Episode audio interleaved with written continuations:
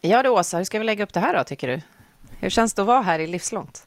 Studion. Nej, men, eh, ja, nej, men jag tycker det känns ganska stort faktiskt. Eh, den här podden är ju faktiskt en, en liksom viktig anledning för varför jag jobbar på RISE överhuvudtaget.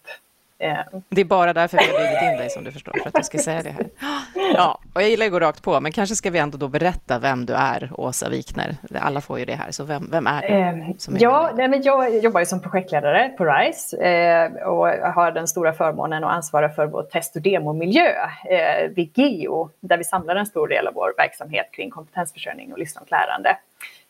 Och jag kommer ju tidigare från en miljö där jag har jobbat mycket med så här politikutveckling och policyutveckling. Eh, jag har jobbat mycket med näringslivets kompetensförsörjning och jag tycker det är så superspännande att titta på de här lite större systemfrågorna när vi pratar livslångt lärande. Mm, det ska du verkligen få göra idag också. Livslångt, en podd om lärande.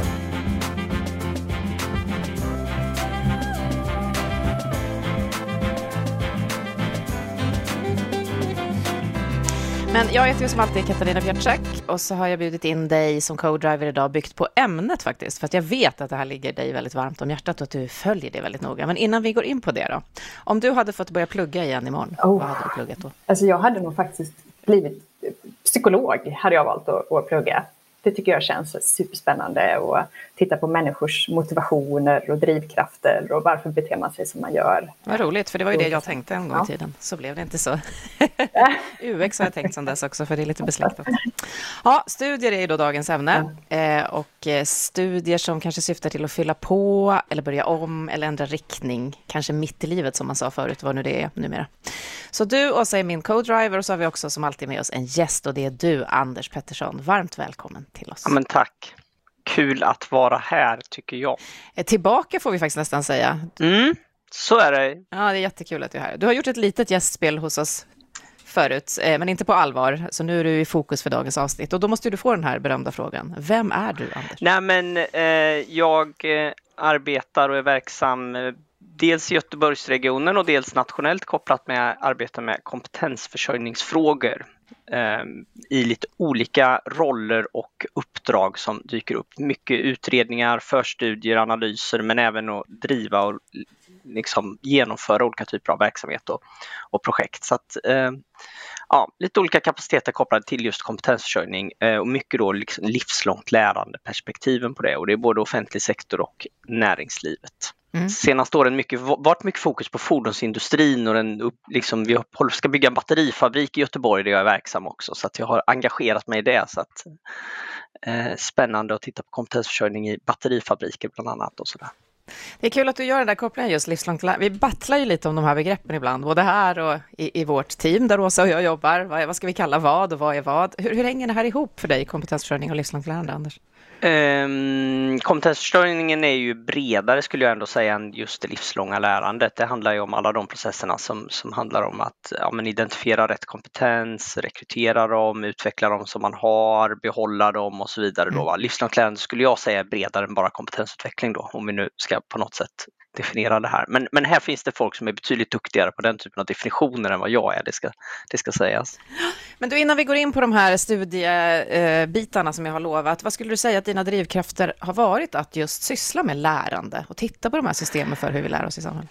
Nej, men jag tycker det är fascinerande att titta på eh, de strategiska perspektiven i saker och ting och försöka se, okej, okay, vad, vad hänger ihop och vad är det som ja, men som driver samhället och samhällsutvecklingen framåt. Jag upplever att det ibland är liksom lite ad hoc, saker och ting händer, inte som naturlag, men man har liksom inte en längre strategi över saker och ting utan det blir som det blir väldigt mycket och ibland blir det bra, ibland blir det dåligt och sådär. Men jag försöker förstå varför. Så det tycker jag är liksom spännande och intressant och roligt och så. Och även många av oss är för fokuserade på liksom bara en bransch eller ett område medan det finns massor med saker att lära sig mellan olika branscher och koppla mellan olika bitar. Vad finns det för likheter mellan besöksnäringen och fordonsindustrin? Ja, fler än man tror. Hur är det med det formella utbildningssystemet kontra liksom det livslånga lärandet och så vidare. Så jag drivs väldigt mycket av att vara inne i väldigt många olika typer av kontexter och liksom dra slutsatser mellan olika typer av kontexter. Det, det är för mig väldigt drivande att kunna, kunna göra den korsbefruktningen eh, mellan branscher. Mm. Jag tycker jag känner igen dig eftersom vi har jobbat ihop ett tag på lite sådana här ad hoc-sätt. Exakt. Jag känner igen beskrivningen. Men du Åsa, du är, ni är ju liksom lite i samma ända av ekosystemet kring lärande. Har du, vad känner du igen drivkrafterna eller vilka har dina varit här? Jag tycker det är jätteintressant, eh, eh, ja, men som du uttrycker det Anders, det här att olika branscher kan lära så mycket av varandra just när det kommer till kompetensutveckling, kompetensomställning, yrkesväxling. Ändå så fungerar man ganska mycket eh, utifrån liksom en traditionell silomodell. Så där. Det finns ganska lite överhörning mellan de här olika branscherna. Eh, och till exempel inom industrin så upplever jag att kompetensförsörjningsfrågan är mycket högre upp på agendan än inom många andra branscher och man skulle kunna lära mycket av hur industrin har valt att hantera eh, exempelvis hur man jobbar gentemot unga för att öka förbättra bilden av industrin eller hur man jobbar med kompetensutveckling, definiera nya kompetensbehov och, och så vidare, samverkan med skolan. Mm. Och det är ju lite de här behoven som, som liksom är grunden för det vi ska prata om idag, alltså samhällets behov av vissa kompetenser och också att vår omvärld har gjort att vi, vårt arbetsliv och vårt lärandeliv ser annorlunda ut. För då ska vi prata om det här studiestödet då idag, en ganska nyligen genomförd reform som syftar till just att stödja samhällets omställning. Eh, Anders, om jag börjar med dig då, när du ska berätta om det för någon som kanske inte knappt har hört talas om det eller bara hört om det men inte förstår vad det innebär i praktiken, vad, hur beskriver du det här? Okej, okay, jag brukar börja lite grann i bakgrunden med januariavtalet och eh, de drivkrafterna som fanns om att förändra LAS till vad många beskriver då som, som arbetsgivarens fördel och då behövde på något sätt arbetstagarna någon kompensation för det och då kom det här omställningsstudiestödet till då därför att om det ska bli lättare att göra sig av med folk. Um, alltså lagen om anställningsskydd ska vi Lagen om anställningsskydd. Och inte är med i tugget. Precis. Eh, så skulle man på något sätt ha en betalning som arbetstagare för det och det är att det ska vara lättare att ställa om. Sen upplever jag att den, den betalningen blev liksom den stora grejen i hela den här reformen och förändringarna i LAS var liksom de små bitarna. Eh, så det här är ett jättelikt stöd då, så det brukar jag liksom börja med som bakgrund. Um, och sen så är det egentligen tre saker som jag tycker är väldigt tydliga karaktäristiska. Det första är att det omfattar så otroligt många människor. Nästan hela svensk arbetsmarknad eh, har rätt att ta del av det här omställningsstudiestödet. Eh, till skillnad från andra tidigare stöd vi har haft där det bara är liksom varslade, uppsagda och folk utanför arbete. Här är det folk som är yrkesverksamma och de allra flesta människorna i Sverige arbetar ändå. Så det är enormt många människor som påverkas, det är det första. Eh, den andra biten är att den möjliggör så enormt många utbildningar. Den, hela det formella utbildningssystemet som vi har, folkhögskola, komvux, yrkesvux, YH, högskola, alla de utbildningarna ingår i systemet så att säga, om man kan använda. Plus dessutom utbildningar som godkänns av omställningsorganisation. Så det är enormt många utbildningar. Och sen är den tredje aspekten då som har fått stor uppmärksamhet. Det är det att det är ett väldigt generöst system. Det är väldigt hög i förhållandevis i alla fall med traditionellt studiemedel väldigt hög ersättning för att studera. Eh, grundregeln är ju 80% av din egen lön eh, och sen finns det en miljard regler och undantag och massa sådana grejer då som vi inte har tid att gå in på här. Men kombon... Men en viss del är lån och en viss del är ersättning? Ja, fast nästan alla har 80% ersättning, bidrag då. Eh, här beror det på om man har kollektivavtal eller inte. Eller så. Ja, vi kan inte dyka in i det här, men det är liksom hög ekonomisk ersättning, väldigt många utbildningar, väldigt många människor och den, den, det receptet så att säga gör att det här är en gigantisk reform eh, som påverkar svensk arbetsmarknad väldigt, väldigt mycket. Och den strategiska diskussionen kopplat till det här är i princip inte frånvarande, är kanske lite hårt mot de som hjältar som pratar om det, men ur ett medialt perspektiv har de, har de inte lyfts upplever jag. Och vad är anledningen till det då, om det nu är sån, eh, att det här blev liksom den stora utkomsten som du sa och det är viktigt för samhället som har massa behov av kompetens? Hur blev det så? Jag vet inte. Det är, det är du som är journalist här Katarina, det är du som borde kunna svara på den frågan. Eller om inte Åsa kanske har något klokt där, jag, tänker, jag bollar över till dig där Åsa. Jag vet inte varför det inte har blivit större. Nej, men jag, jag, tycker nog att man har slagit på stora trumman och man har pratat om att men det här är en historisk reform för svensk arbetsmarknad och eh, det har liksom varit ganska synligt i media, framförallt inför införandet av, av de här nya reglerna som var första oktober förra året. Sen därefter så har man ju sett ganska mycket eh, hur, hur, att handläggningstiderna är, har varit extremt långa från CSNs sida. Ehm, det har varit jättemånga som har sökt, få som har blivit beviljade och nu börjar det komma lite statistik eh, kring, kring vilka, vilka typer av utbildningar, vilka typer av människor som har blivit beviljade. Ehm, men ehm, vad skulle jag komma med det?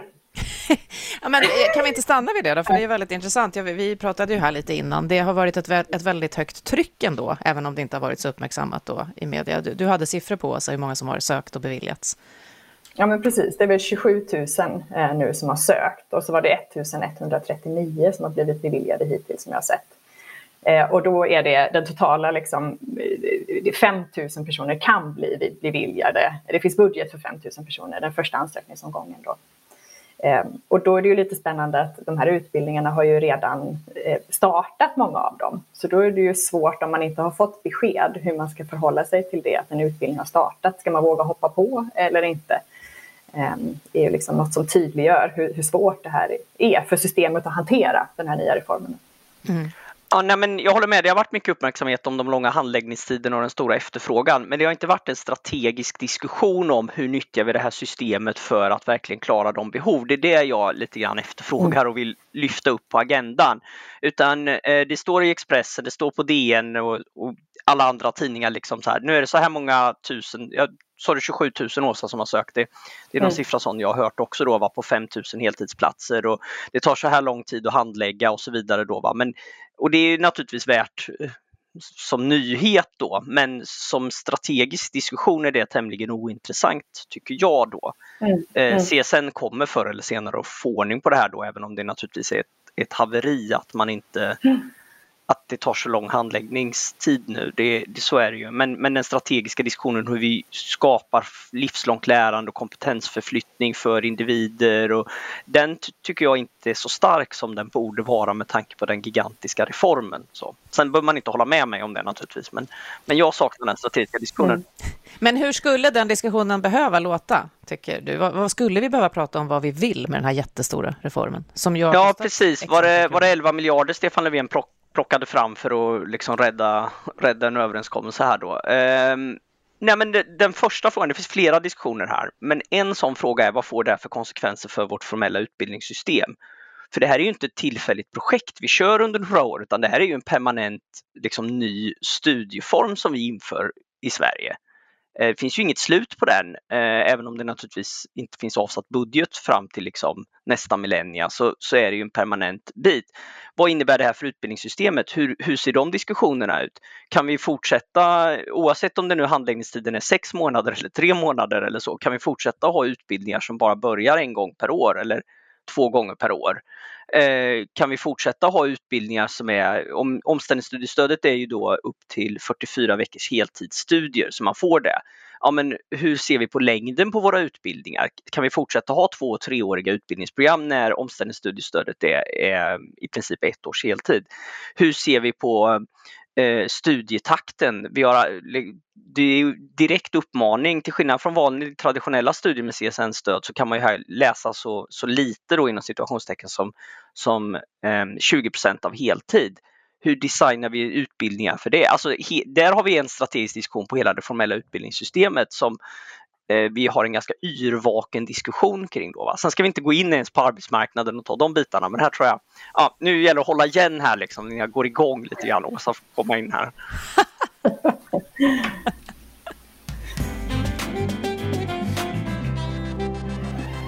Kör du Åsa. Ja, ja nej, men jag tycker också det är lite intressant det här att um Eh, Eh, det, så som det har blivit är att folk tycker det här låter jättespännande och så går man in på CSNs hemsida och ansöker och så har det blivit liksom massa människor som har gått in där. Och jag kan verkligen hålla med dig om Anders att den strategiska liksom, diskussionen kring vilka spridningseffekter och vilka liksom, eh, ringar på vattnet som den här reformen skulle kunna ge. Den saknar jag lite grann. Jag tycker också man kan ifrågasätta hur stor den här reformen är. Som vi sa så är det ju 5000 eh, heltidsplatser som man har möjlighet att bevilja här nu första ansökningsomgången och det är ju långt ifrån eh, alla de människorna som skulle kanske vara intresserade av att hoppa på den här möjligheten. Eh, så det jag skulle vilja se, vi vet att företagen till exempel inte prioriterar kompetensutveckling eh, tillräckligt mycket, ser inte det som så strategiskt viktigt. Det är många personer som inte vet att de behöver kompetensutveckla sig eller varför de ska göra det, hur de ska göra det.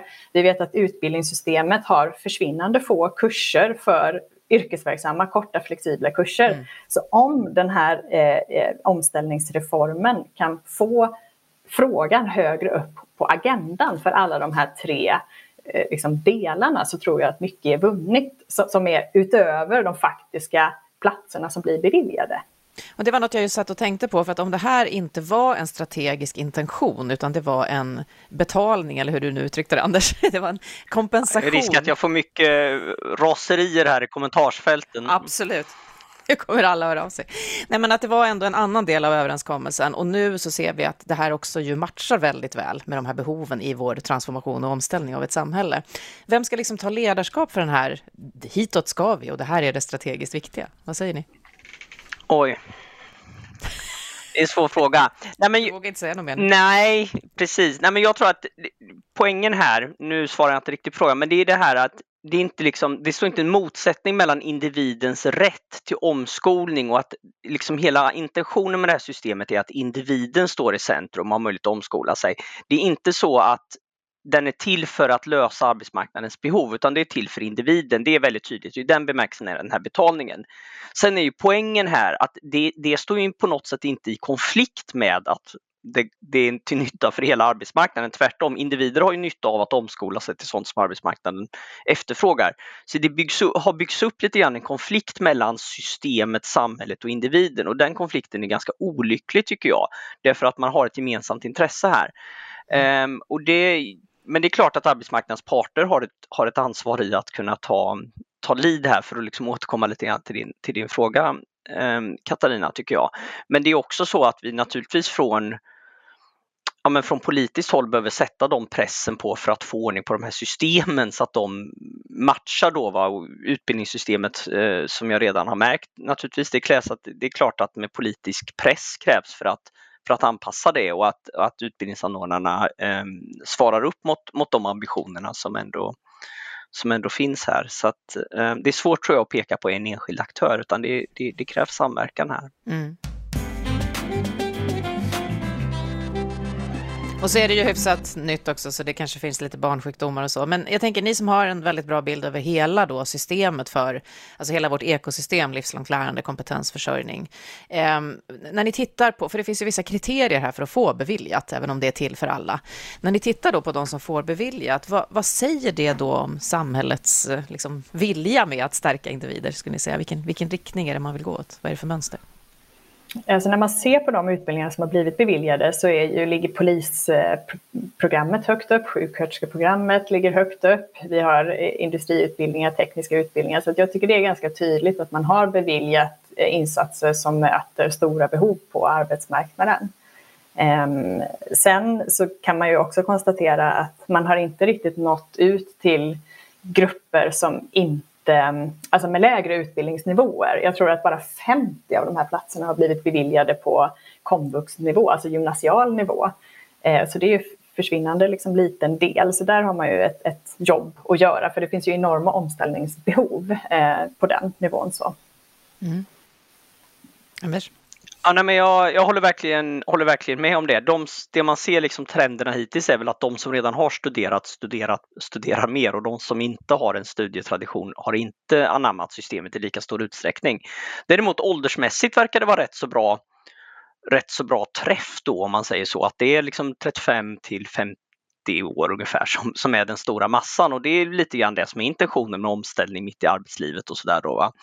Eh, men bara 15 av de här 1139, nu tittar jag på CSNs senaste statistik, är de här eh, omställningsorganisationernas egna designade utbildningar då. Va? Och mer än hälften är universitet och högskola och det, det är inte säkert att det är det som, som vi behöver. Um, och 50, ja, 50 platser som du sa så här med, med, med på, på vuxnivå. Så att, mm, Ja, men precis. Ja, men vi pratade innan definitionen av livslångt lärande. Och, eh, I många sammanhang så är det ju lika med tecken, liksom, utbildningar för vuxna. Sådär. Och jag tycker att det som är bra i den här reformen det är ju att man öppnar upp för att det behöver inte vara de här långa utbildningsinsatserna som alltid krävs. Utan det kan vara så lite som fem, fem dagars utbildning som kan bli beviljat i det här nya systemet. Och, och där tycker jag man ser att man har liksom inte, precis som du är inne på Anders, fått med de här lite kortare utbildningarna, utan det är mycket de långa programmen som har blivit beviljade. Eh, så där kanske man har ett arbete att göra också för att ta in andra typer av kompetensutvecklingsinsatser som är kortare, som kanske inte är en del av det ordinarie utbildningssystemet. Man kan ju tänka sig där att ett problem är att om det är sex månaders handläggningstid för att läsa en utbildning på fem dagar så den, det, är, det är inte riktigt i proportion där. Eh, det kan bli svårmatchat där. Så det, men det är, det är märkligt att man har ett års, för det är 44 veckors heltid normalregeln och sen så beviljar man folk till läkarprogrammet som är mm. fem år liksom, eller jurist eller sådär då. Va? då ja, det finns mycket att ta reda på här och liksom förstå. Jag tror inte vi har, har riktigt hela bilden här. Jag blir lite nyfiken eftersom jag också har jobbat med det här att inkludera alla i en omställning och ett lärande. Vi har pratat om det tidigare här i podden. Produktionspersonal har jag jobbat en del med de senaste par åren och så. Och ni pratar om att det, det, har varit de som redan studerar, de studerar vidare. Att även här så har det liksom den klyftan uppenbarat sig. Har ni sett några andra exempel på där man faktiskt lyckas? Eh, för nu, för nu pratar ni om att det är det formella lärandet och kanske det tungt formella, de långa programmen, som på något sätt ändå hamnar i fokus. Hur, hur lyckas vi få med alla, tror ni? Jag, jag, tror att det krävs en stor informationsinsats här faktiskt. Att det är väldigt lätt om man är studievan så vet man vilka möjligheter som finns och man vet hur man går till väga för att söka medel för, för studier och så vidare. Man har inte så hög tröskel till det. Men man behöver jobba med information till liksom, rätt målgrupp här då och man behöver jobba med attityd och förståelse eh, för varför den här typen av insatser kan vara viktigt för dem. Eh, tror jag. Och där behöver man involvera, som vi var inne på innan, arbetsmarknadens parter, att man går ut på arbetsplatser och pratar och liksom ökar förståelsen och gör det här till en gemensam fråga för arbetstagare och arbetsgivare. Anders? Ja, nej, men jag håller med. Men för här har vi, vi har liksom tre systemet involverar tre processer och de processerna lever sitt helt egna liv i, i dagsläget och det är därför vi ser alla de här barnsjukdomarna och därför, därför vi ser alla de här konsekvenserna. Den första processen, och det är den vi har pratat om, det är ansökningsprocessen. Eh, här krävs det information, här krävs det liksom att man får upp farten och hänger med och liksom, så man kan inte få CSN skriver på sin hemsida att de fortfarande handlägger ansökningar som kom in i oktober för studier som började liksom i januari och nu när vi spelar in det här så är vi i början av mars. Liksom, så. Det funkar inte. Mm. Så det är en ansökningsprocess och nu är det, den blir klar när den blir klar på något sätt. Sen har vi en utbildningsprocess och den har vi också pratat lite grann om, nämligen det här när börjar en utbildning då? Kan man börja utbildningar hela året eller ska vi hålla fast vid det här att utbildningar börjar på hösten och på våren? Och liksom, Termins. Terminstänket då som, som ja. funkar bra för folk som läser på heltid och inte ägnar sig åt något annat, liksom, och nyss har gått ut gymnasiet, men som är helt värdelös för det, för det här. Så vi har en utbildningsprocess som inte funkar och då måste vi ha utbildningar som är rätt anpassade. Ja, allt det här som jag redan har orerat massa om. Då, va? Och sen har vi den tredje processen eh, som har fått ganska lite uppmärksamhet tycker jag. Och det är ju arbetsgivarprocessen och hur det här passar in liksom ur ett arbetsgivarperspektiv. Därför att personer då som läser, okej okay, läser man fem dagars utbildning då är det kanske inte det är ett svårt problem att lösa det för en arbetsgivare. Men det är klart att en person som då ska börja läsa sig på halvtid eller 75 procent under två år, det påverkar ju den personens arbetsplats. Det är yrkesverksamma så det sker en interaktion med arbets på arbetsplatsen här. Eh, och då ska man vara tjänstledig för studier och här har, har, man ju en studieledighetslag som gäller så man har inte rätt att neka tjänstledighet. Eh, men det är också så att arbetsgivaren har rätt att skjuta på det. Så först när du söker så ska du vänta sex månader på besked och sen har du tur så börjar utbildningen samtidigt och sen säger arbetsgivaren nej, nej, vi, du får vänta sex månader och då, bör, och då kraschar systemet. Då måste man liksom söka om till CSN enligt nuvarande regelverk då, så som jag har förstått det. Så de här tre processerna lever liksom sitt egna liv här och det får vi inte dem att jacka i varandra då, då kommer vi inte att då kommer vi inte få ut den effekten som vi vill utan då kommer vi att se det här att de som har studerat innan och kan systemet och förstår det, de kommer att fortsätta att läsa längre utbildningar, tror jag.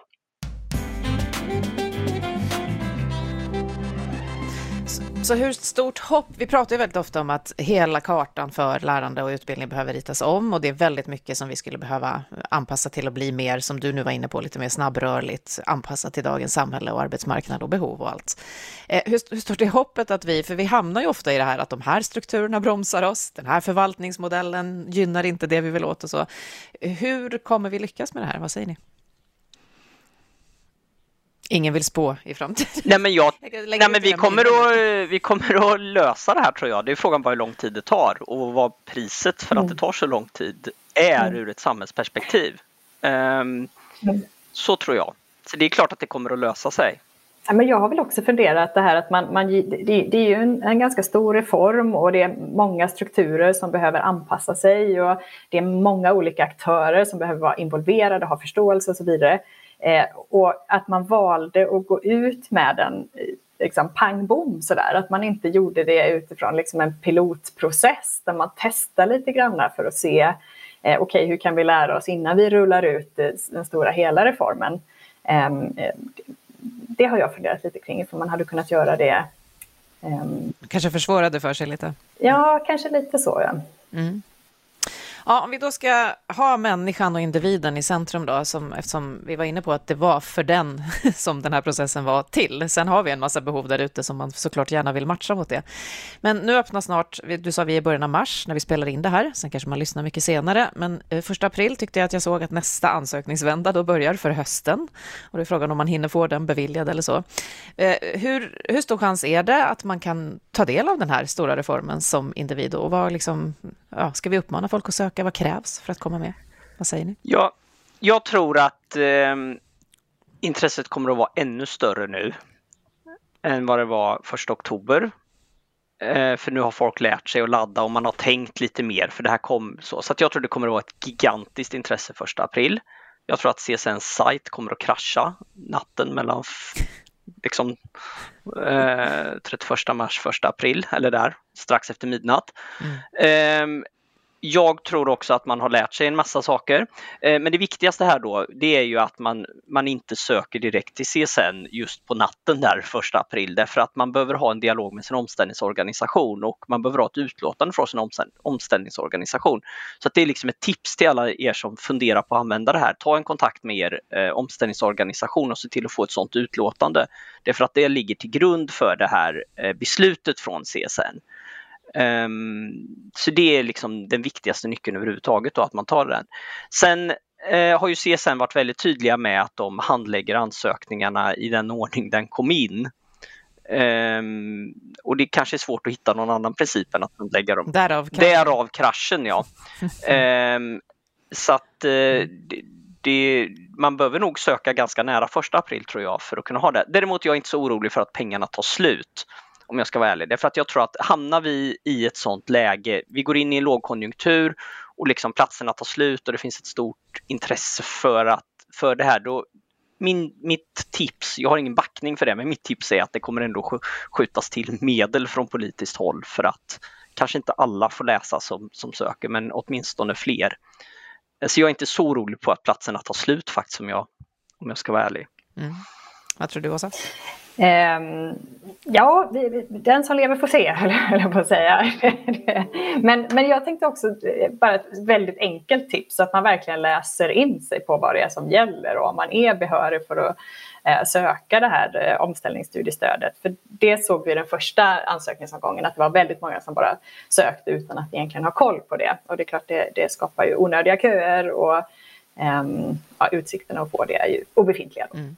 Och hur vet man vilken ens eh, omställningsorganisation är då, om man inte ens har varit i, i närheten av de här tankarna förut? Det kan man fråga sin arbetsplats, för det hänger ihop med eh, vilket kollektivavtal som man eh, tillhör och vilket fackförbund som man tillhör då. Så det har de koll på. Så om vi tittar då avslutningsvis, eh, jag vet inte, tio år, är det för långt framåt? Eh, hur kommer det här att förändrat vår syn på hur vi liksom utbildar och lär oss livslångt eh, över tid? Vad tror ni kommer ha ändå, vad kommer det här ha ruckat i det här ekosystemet? Ja, men alltså förhoppningsvis så har vi ju eh, fler korta flexibla utbildningar så att utbildningssystemet eh, har anpassat sig till eh, yrkesverksammas kompetensbehov i, i, större utsträckning. Och sen hoppas jag att det finns en större, liksom, ett större engagemang, ett större nyfikenhet för de här frågorna hos oss alla egentligen. Eh, och inte minst eh, hos arbetsgivarna. Anders? Ja, men jag tror att det kommer att ha haft jättestor, och vi ser ju redan nu en trend om att vi håller på att flytta oss från det här utbilda dig först, jobba sen. Och det, det kommer systemet att bidra till den förändringen eh, liksom på ett övergripande mått, livslångt. Jag är lite nyfiken på hur, hur attraktivt det kommer att bli att studera grundutbildningar egentligen, liksom lite grann på sikt här. Kommer vi att se en dipp i de som, som är 19 år och läser sjuksköterskeprogrammet eller lärarprogrammet därför att det vanliga studiestödet är i relation till det, det nya så att säga så dåligt. Ehm, det har jag inte heller pratat speciellt mycket om och det är liksom en sån här spaning man får se lite grann hur, hur attraktivt kommer det att bli att studera traditionellt om man säger så. Och det vore ju olyckligt om det slog ut den för det är inte meningen att konkurrera med, med vanliga grundutbildningar så att säga utan, utan eh, ska komplettera det. Så att eh, det är väl en sån spaning som Just det, det skulle kunna bli attraktivt att jobba först och sen ta något lite kortare med bättre ersättningsstöd och så gå vidare. Absolut. Nu är ju kravet då att man ska arbeta till minst åtta år, så det, man behöver ju vara 27 år gammal åtminstone då, så det är ändå ganska så länge då. Men um, um, jag är inte säker på att det, det beror på vad som händer här med ungdomar och liksom hur, hur snacket går så att säga då, att, att det blir lite mindre attraktivt att kanske utbildas tidigt. Och, ja, det vore ju lite olyckligt kan jag tycka. Mm. Då så Anders, du måste också då få frågan som Åsa fick i morse, om du, eller i morse, i början. Jag har redan gått in i förmiddagen. Vad skulle du plugga om du började imorgon? Om du sökte här första april, vad skulle du söka då? Jag kanske ska söka första april, vem vet? Nej, det vet man inte. Och vad söker du då? Nej, men jag har två områden som Okej, det här blir långt svar. Nej, men det ena är, de, de har ju släppt ettåriga lärarutbildningar nu, förkortade KPUer, så man faktiskt kommer in på de här 44 veckorna. Så att jag är lite sugen på att klämma en sån faktiskt med omställningsstudiestödet. Vi får se om det, blir, om det är ett seriöst tanke eller inte. Men om, om vi är lite mer visionärt, om det var så att man hade kunnat läsa jurist på något annat sätt än att läsa heltid på dagtid i ett klassrum, då hade jag, då hade jag läst jurist också. Så det är de två. Det, det, hade du säkert gått i land med även på någon slags, med tanke på din kapacitet och det du jobbar med i det här systemet. Ja, men det är svårt att sitta i klassrum liksom heltid. Ja. Så det är det. Ja, vi ringer dig och kollar någon gång efter första april, se hur det har gått. Mm, hur ansökan är. Stort tack till er båda för att ni var med och pratade om det här stora reformen. Eh, Åsa Wikner, min kollega på RISE och du, Anders Pettersson, som dagligen ägnar dig åt att studera hela det här systemet för kompetensförsörjning och livslångt lärande där ute på olika sätt. Tack ska ni ha. Tackar. Tack. Och nu eftersnacket. Nu kommer den här frågan som Sandra var inne på, Åsa, innan. Mm -hmm. Vill ni lägga till någonting? som hon ska klippa in. Ah. Min producent var här bakom och hejade på Åsa eh, förut, och då så sa hon att det där... Ja, det, det här är ingen lång, det är bara så här, vi har inte tagit upp det här med att det finns lite kritiska röster. Timbro till exempel ah. är ju inte så positiva till det här och tänker att man är det här bara ett till friår? Vi behöver inte fler Just folk det. som läser långa utbildningar utan vi behöver fler folk i arbetslivet. Och, um, det har vi inte riktigt gått in på. Mm. Och vad, vad, vad, går den kritiken ut på lite mer då? Ja, nej, men det är ju just, just det här att man är orolig för att det ska vara massa människor som går utbildningar som inte eh, arbetslivet kanske har behov av, utan eh, man hellre ser då att, eh, att, att, man går ut direkt i, i jobb istället för att uppmuntra ännu mer högskoleutbildningar. Vi ser redan liksom den eh, obalansen kanske på arbetsmarknaden, att det är väldigt många som läser hög, långa högskole och universitetsutbildningar och man får inte utväxling för det kanske sen när man kommer ut och jobbar. Eh, och om det här då ytterligare promotar ännu längre eh, högskoleutbildningar, mer högskoleutbildning, när vi egentligen behöver då kanske fler yrkesutbildade, eh, som vi ser att den här reformen har, svår, har svårt att nå så, så kan ju det vara en utmaning. Ja, ett tillägg till det är ju också att det, att det blir sättet att driva på en flykt av personal från vissa branscher som eh, just nu eh, eh, upplever att de har en dålig arbetsmiljö. Eh, jag pratar mycket med eh, skolchefer till exempel och de ser ju, en del av dem ser ju med skräck på den här reformen därför att det blir en, väldigt, det blir en väg ut från att arbeta med dem och samma sak inom sjukvården till exempel. Eh, där, där det blir liksom en, en autostrada för att ta sig ut ur, ur problematiken. Då. Eh, och så, det vore ju väldigt olyckligt om systemet var sätt att, att driva på brist i branscher som verkligen behöver det snarare än tvärtom att fylla, fylla den bristen. Så det är ju en, en stor risk och kritik och där det vet vi inte vad som kommer att hända helt enkelt utan eh, det måste bevakas eh, och analyseras och eh, vi måste vara beredda att ta och agera på om sådana saker inträffar helt enkelt.